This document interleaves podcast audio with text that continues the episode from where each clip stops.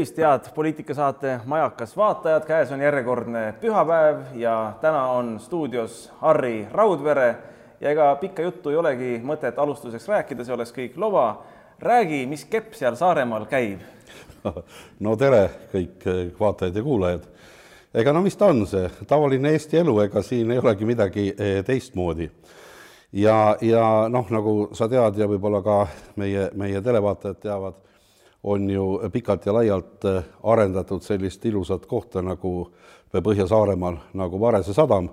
ja, ja äh, mul tuli selline rumal mõte siin juba mõned aastad tagasi, et võib-olla teeks nagu midagi noh, nagu erakordset või eriskummalist, et mõtleks välja ühesõnaga sellise täieliku funktsionaalse sadama, mis oleks siis äh, otsast lõpuni isemajandav ja pluss ka selles, et oleks rohesadam selles osas, et saaks toota ise energiat ja, ja siis luua läbi selle siis töökohti, sest et energia, nagu me teame, on ikkagi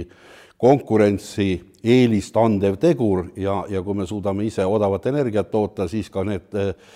toodangu, mis me siis sellest sadama tootmishoonetest oleksime välja lasknud, oleks tänu oma asukohale, oleks ka selle logistika põhimõtte järgi olnud konkurentsivõimeline ka igal pool muudel turgudel. No ja ilus-kena mõeldud-tehtud ja alustasime siis oma selle suure projektiga ja ja kuidas siis energiat saada, energia e,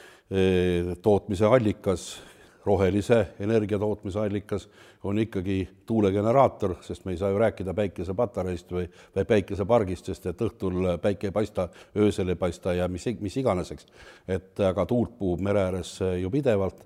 ja siis saigi sinna plaanitud ühe kai otsa üks selline mitte eriti kõrge, kaheksakümne kolme meetrise tipu kõrgusega tuulegeneraator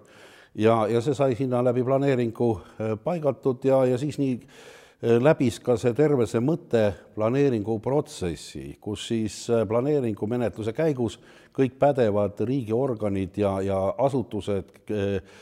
kuhu siis suunati see planeering kooskõlastamisele, kõik leidsid, et see on äh, tore, kena, Eesti Vabariigi seadustega vastavuses ja andsid oma kooskõlastused sellele tuulegeneraatori paigaldamisele ja siis ka terve selle sadama planeeringu kehtestamisele. Ja äh, see planeering käis isegi Rahandusministeeriumi järelevalves, kus ka Rahandusministeerium ütles, et annab äh, põhimõtteliselt heakskiidu sellele planeeringule ja siis jõudis see planeering kohaliku Saaremaa volikokku äh, kehtestamiseks. kuna, kuna nii mõningadki külaelanikud või ümberkaudsed elanikud, kes ei olnud kui tegelikult ka elanikud, vaid rohkem nagu suvesaarlased, protestisid selle vastu, ütlesid, nemad seda tuulikut ei taha, neile see põhimõtteliselt ei meeldi, siis äh, vald esimeses etapis, kui ta oli avalikule väljapanekule pandud, see planeering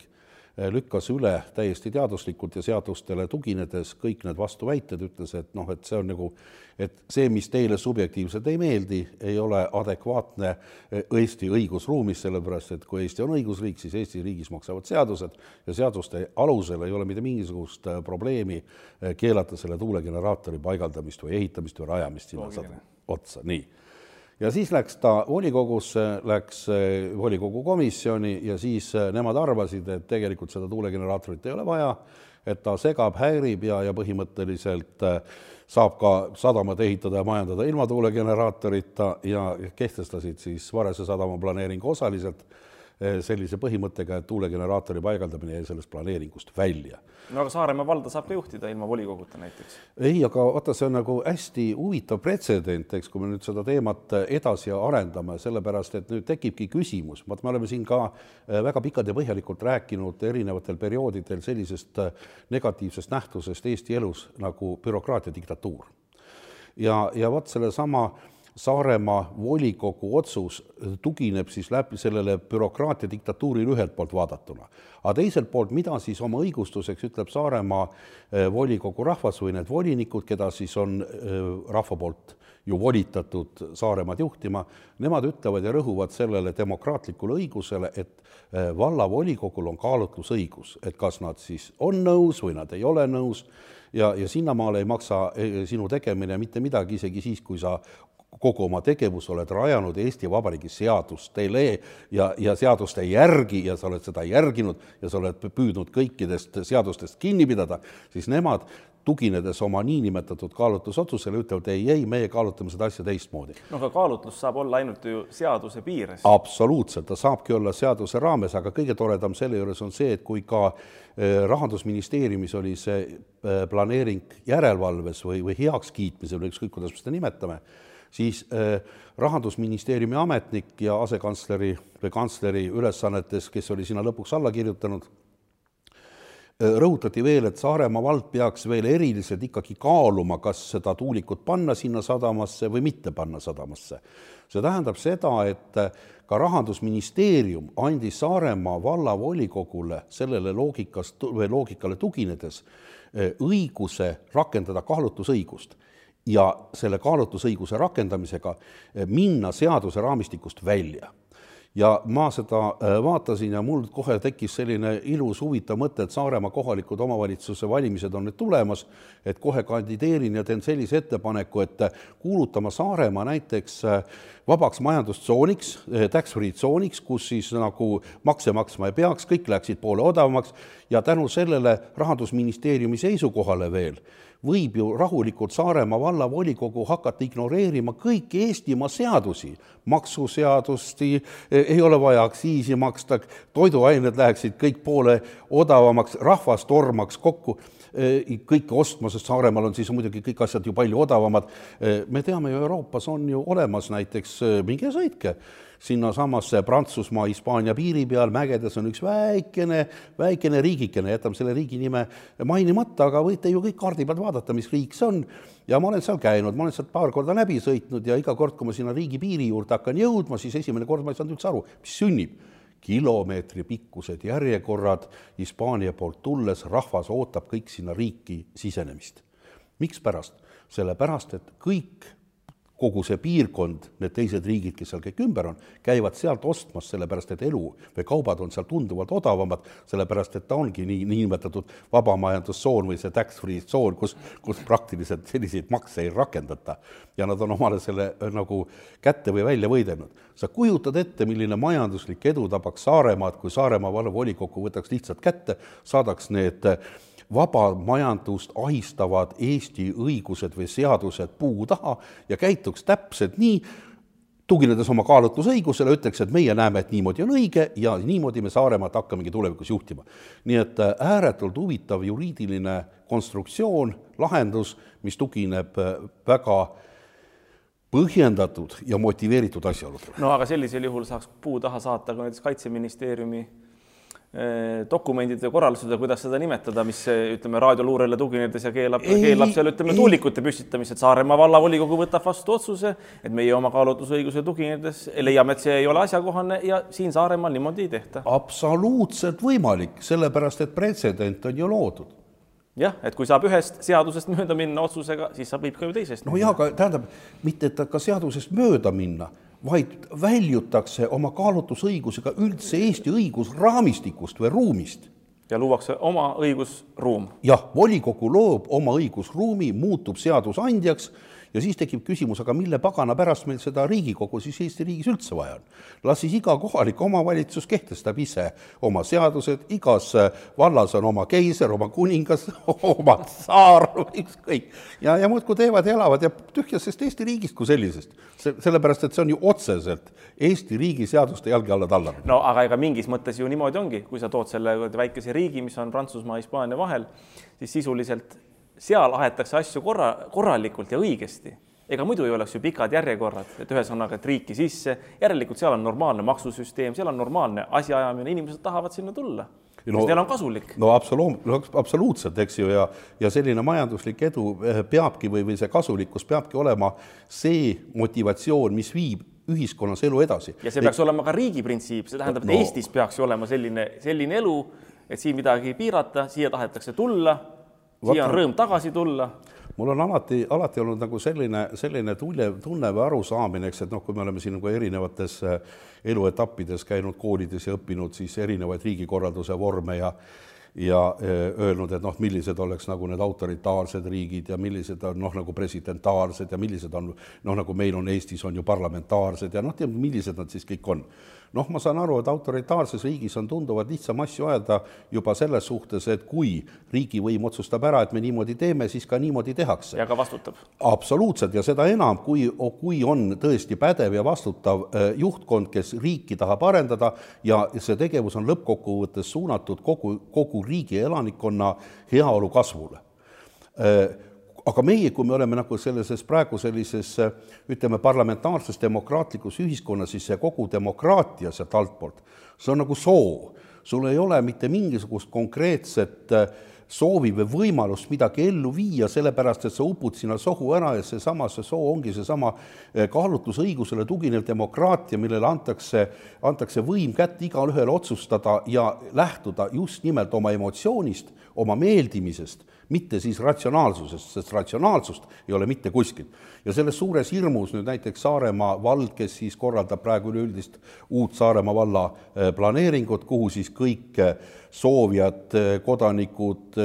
juriidilised isikud võiksid esitada siis oma ettepanekuid või täiendavaid noh, nagu mõtteid selle Saaremaa valla arengusse või tuleviku, tulevasse planeeringusse siis on nii huvitav, selleks ajaks on siis kaheks aastaks pandud seisma üldse igasugune tuuleenergeetika areng Saaremaal, sellepärast et eh, nemad tahaks enne põhimõtetes kokku leppida ja siis midagi otsustada, aga kaks aastat on ju tegelikult tohutult pikk aeg ja, ja takistab sellist eh, normaalset arengut ja elu ja, ja kuidas saavad kokku leppida inimesed mingis küsimuses, põhimõtetes kui nad ise on põhimõttelagedad no.. vaat selles mina nagu, nagu mingit pointi ei näe või, või mõtet ei leia, et kuidas saab põhimõttelage inimene kokku leppida põhimõttes, kui tal seda põhimõtet sisuliselt ei eksisteeri. aga vaata, teine huvitav äh, selle, selle kaasamisega või selle meeldimisega või selliste otsuste langetamisega on ju öö, äh, omapärane tahk, mis veel välja kerkib või esile, esile kerkib või välja tuleb, on seesama ju meeldimise küsimus ja öeldakse, mis on nagu siis enamuse või rahva seisukoht, selle soo seisukoht, et äh, seesama tuulegeneraator, mida sa sinna panna tahad või paigaldada tahad või no kas nüüd mina või keegi teine, see on igavesti kole visuaalne reostus ja meile ei meeldi, et see seal on. no nüüd tekibki siis küsimus läbi sellesama subjektiivse õiguse ja ma toon nüüd sulle hästi äh, naljaka ja, ja võib-olla natukene utreeritult primitiivse näite, aga ta on ääretult äh, eluline täpselt samamoodi võin ma öelda, et sinu naine, anna mulle andeks, mitte, mitte midagi isiklikku, on minu jaoks totaalne visuaalne reostus. ja kui ma nüüd, ta tuleb mulle üle tänava vastu ja ta mulle ei meeldi, siis kui sina ütled, et vangi panna. mu tuulegeneraator ei meeldi, eks ju, ja sa ei tohi seda teha, siis miks tema võib mulle tänava peal vastu tulla, tema peaks minema ka üle tee, mina Just. peaksin saama oma subjektiivset õigust täpselt samamoodi realiseerida. mine üle tee, sa mulle ei meeldi. aga no seadus ütleb, et temal on ju õigus, nii põhiseadusele tuginedes õigus käia seal tänava peal, kus ta tahab. ja vot tegelikult peaks olema ka sellel maaomanikul või sellel arendajal õigus panna oma tuulegeneraator sinna, kuhu ta tahab. aga ta peab loomulikult arvestama sellega, et selle pai-, selle tuulegeneraatori paigaldamisega ei rikutaks kehtivat seadust ja ainukene seadus, mis täna reguleerib näiteks tuulegeneraatori paigaldamist, on Sotsiaalministeeriumi määrus müranormi kohta. see tähendab seda, et kui see tuulegeneraator töötab, siis kõrval olevate elumajade hoovis öisel ajal ei tohi see müra ületada, tuulegeneraatori müra, ma ütlen, ei tohi ületada neljakümmet detsibelli. Täpselt samuti noh, ja, ja siis võid panna, täpselt samuti on ka, et kui su naine, kes on minu jaoks totaalne visuaalne reostus, tuleb mulle tänava peal vastu ja sülitab mulle näkku, saad aru, seda ta teha ei tohi, see on, see on taunitav tegevus, eks ju täpselt samuti oleks nagu see paralleel tõmmata selle müraga, ma ütlen, et need on väga utreeritud näited, aga, aga aga ei saa teistmoodi kirjeldada, et võib-olla nendele kümnetele, sadadele inimestele jõuaks see kohale, et see meeldimine ei saa olla eh, keeldumise põhjuseks, aluseks, motiiviks, sest et tuleme jälle sinna tagasi, sest nagu meie poliitikud, õiguskantsler või ükskõik keegi teevad suuresti suu lahti, siis sa tead ju väga hästi, kohe on tingimused, Eesti on õigusriik ja meil maksavad seadused, meil maksab õigus. kust kohast ta siis maksab? ei, no kust ta maksab? no vot, ja, ja nüüd tekibki selline, see ongi selline dilemma, et, et kuidas me siis tahaksime oma riiki edasi arendada või kuidas me tahaksime siis majandust edendada, kuidas me tahaksime luua siis töökohti, kuidas me tahaksime teha seda, teist ega kolmandat, kui tuleb suur grupp inimesi kokku ja ütleb, et see ei, ei meeldi. ma toon siin näiteks vaata Tartuski, kui ju taheti ju seda tselluloosivabrikut teha, eks. No mida oleks tehtud õiges riigis, tähendab sellises riigis, kus oleksid maksnud seadused, oleks kohalik võim ütelnud, selge, meie väljastame teile tingimused projekteerimistingimused, millesse on sisse eh, kirjutatud ka kõik keskkonnaalased nõuded. võtke ja tehke, see, mis te teete, peab vastama nendele nõuetele nii. mis võtab... omakorda tuginevad seadustele. absoluutselt, eks kõigile nendele normidele, mis ei seaks ohtu ei keskkonda, ei kõrval elavate inimeste elu ega tervist, ei kahjustaks neid noh, füüsiliselt, vaimselt me ei saa seda öelda, sellepärast et see on niisugune väga umbmäärane asi, tead, eks ju, siis ta peaks nagu kõrva kogu aeg sosistama mingisugust,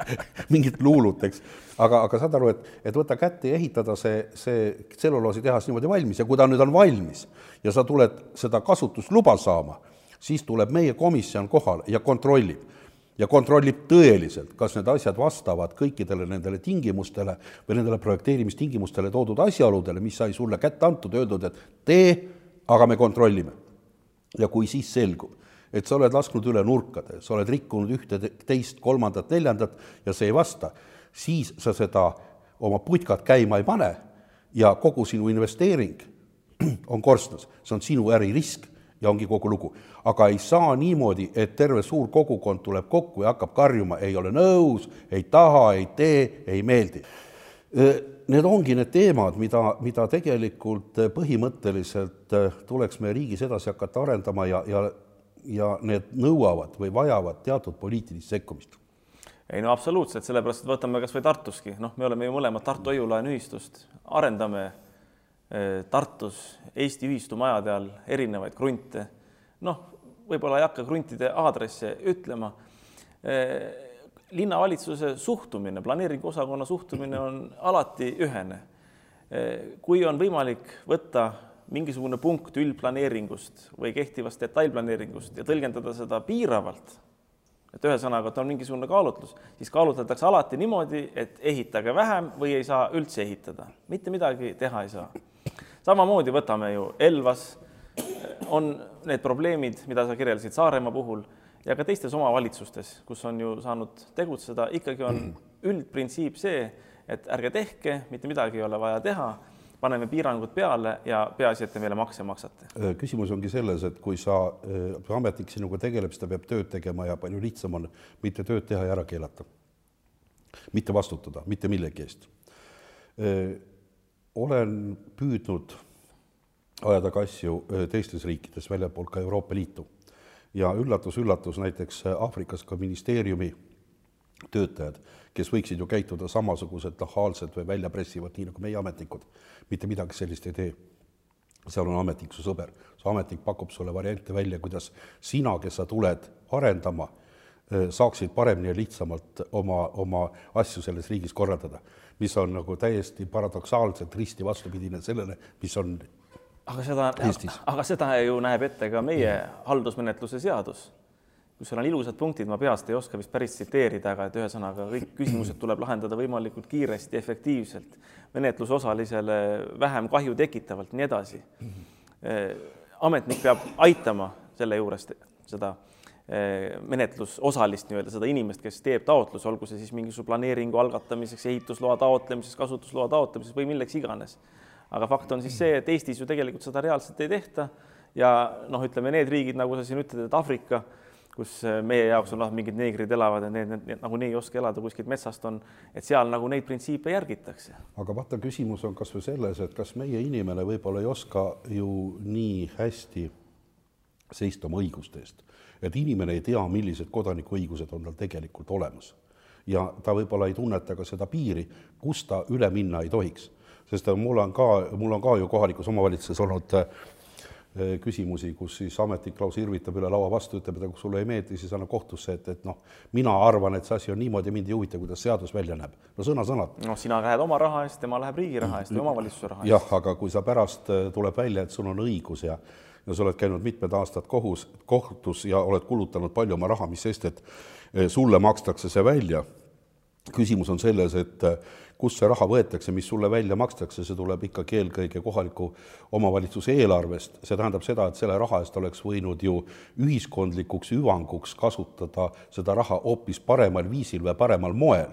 nüüd läheb see raha lihtsalt mingisuguse ametniku suva kinnimätsimiseks, mingisuguse kohtuvaidluse, kohtukulude kinnimaksmiseks. vaata, see tähendab seda, et sellisel juhul tuleks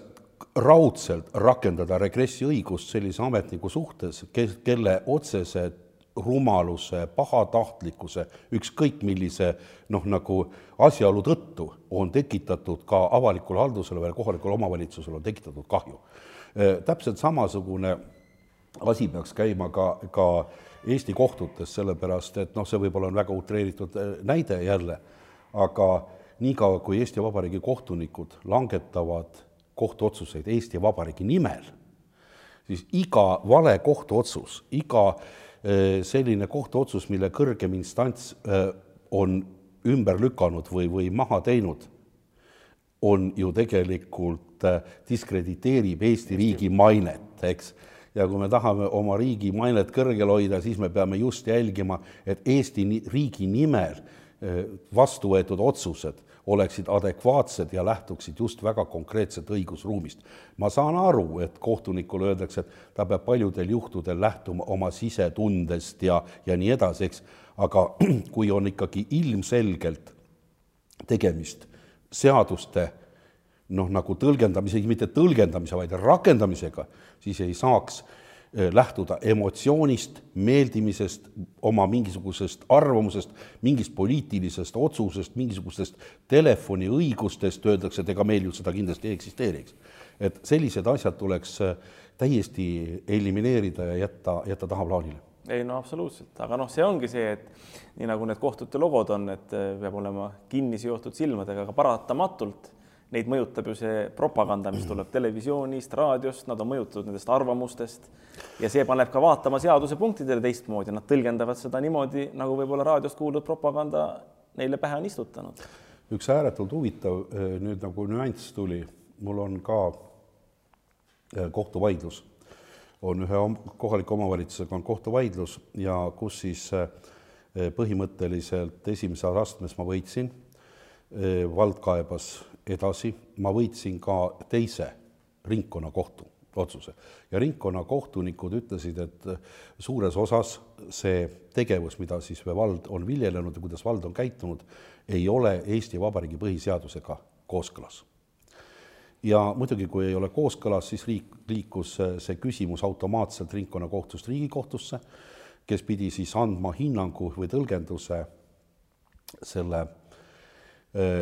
küsimusele, kas ta siis on põhiseadusega kooskõlas või ta ei ole põhiseadusega kooskõlas. no loomulikult Riigikohus äh, ütles, et äh, kõik on põhiseaduse järgi kõik hästi, et selles suhtes ei ole mitte mingisugust probleemi. Äh, küsimus on aga natukene laiem ja võib-olla palju sügavam. see tulebki välja, et kui sinul on põhiseaduse järgi olemas ettevõtlusvabadus ja kui sinu ettevõtlusvabadust piiratakse isegi siis, kui seda piiratakse üldises ja avalikus huvist lähtuvalt, siis tekib küsimus, siis on riigi kohus kompenseerida sinule see eh, kahju, mida siis sinule sinu põhiseaduslike õiguste piiramisega tekitatakse. täiesti loogiline. See on õigusriigi printsiip, olen ise õppinud äh, siinsamas Tartus õigusteaduskonnas kauges õpp, kaugõppes, midagi on jäänud külge ja on väga just nimelt rõhutatudki just nimelt sellele printsiibile ja sellele põhimõttele õigusmaastikul, et äh, põhiõigusi saab piirata ainult seadusega, aga mitte konkreetselt ministri määrusega. aga kui ministri määrus loob absoluutse normi, mida, mis rakendub pimesi kinnisilmi tervele Eestile, siis see on vaieldamatult põhiseadusega vastuolus ja seda rõhutas ka äh, ringkonnakohus ja nüüd, kui Riigikohus lükkab selle põhimõtte ümber, siis tekibki küsimus minul kui kodanikul, tavakodanikul, kas siis ringkonna need kolm kohtunikku, kes siis sellisele järeldusele tulid, on siis rumalad? kas nad siis üldse orienteeruvad või saavad aru üldse Eesti riigi õigusruumist, kuidas nad saavad siis ringkonnakohtus üldse töötada, kuidas see kohtunik saab siis maakohtus esimeses astmes töötada, kui ta on siis nii rumal, mis siis pärast lükatakse eh, põhimõtteliselt see otsus ringi. ma saan aru, jah, võib-olla tõesti esimese astme üks kohtunik ei suuda kõiki neid seaduse nüansse nii täpselt lahti mõtestada, sellepärast et see teemade ring võib olla palju laiem ja ta ei, ta ei puutu sellega iga päev kokku ja, ja noh, ta võib-olla lähtubki oma sisemisest veendumusest ja nii edasi, eks. aga kui me räägime juba ringkonnakohtu mitmest kohtunikust, kes ühiselt konsensuse alusel leiavad, et tegelikult ongi ikkagi põhiseaduslik riive siis eh, noh, siis tekibki vot selline paradoks, et, et, et kas siis riigikohtunikud, jah, nad võivad selle ümber lükata, aga milline siis on ringkonnakohtu kohtunike väärtus? kvaliteet. aga mina ütlen, et ringkonnakohtuniku eh, nende, nende kvaliteet oli tunduvalt kõrgem kui Riigikohtu oma ja mikspärast? sellepärast, et kui Riigikohus oleks tunnistanud, et jah, ongi tegemist põhiseadusliku Eh, põhiseaduse riivega ja on kahjustatud ettevõtte majanduslikke huve, on takistatud vaba ettevõtlust, siis oleks Eesti riik läinud rahuliku südamega pankrotti, sest pea, peale minu on veel kümneid ja kümneid isikuid, keda riik on täpselt samasugustel alustel äh, ahistanud sõna otseses mõttes, piiranud nende ettevõtlusvabadust ja neil kõigil oleks olnud õigus pöörduda Eesti riigi vastu kahjunõuetega ja see tähendab seda, et kui me räägime siin praegu mingisugustest kuludest ja seda teame, et Eesti riigieelarve on eh, noh, nagu ütleme, surutise all, sellepärast et seda raha ei ole kunagi nii palju, kui tegelikult peaks olema, siis eh, summa summarum, mis kui nüüd enam-vähem kokku võtta, on, oleks võinud kahjunõuded ulatuda Eesti riigi vastu miljarditesse. nii et see Riigikohtu otsus ei ole mitte õiguslik otsus, vaid, poliit... vaid poliitiline otsus? absoluutselt, nii et eh, selles suhtes ma olen veendunud, et see nii on ja, ja kui siit nüüd läheme ühe sammukese edasi, siis me võime järjekordselt küsida, et kas Eesti ikkagi on õigusriik. nii et vot, on, mille üle mõelda, on, mille üle arutada, on, mille eest või mille nimel võidelda, sellepärast et me kõik tahame elada ikkagi õigusriigis. nii on, aga ma arvan, et äh, tõmbame tänase saate kokku, meil on sinuga arutada küll, arutame järgmistes saadetes, aga praeguseks paneme videokarbi kinni ja kohtumiseni juba järgmisel nädalal järgmises Majakas. thank you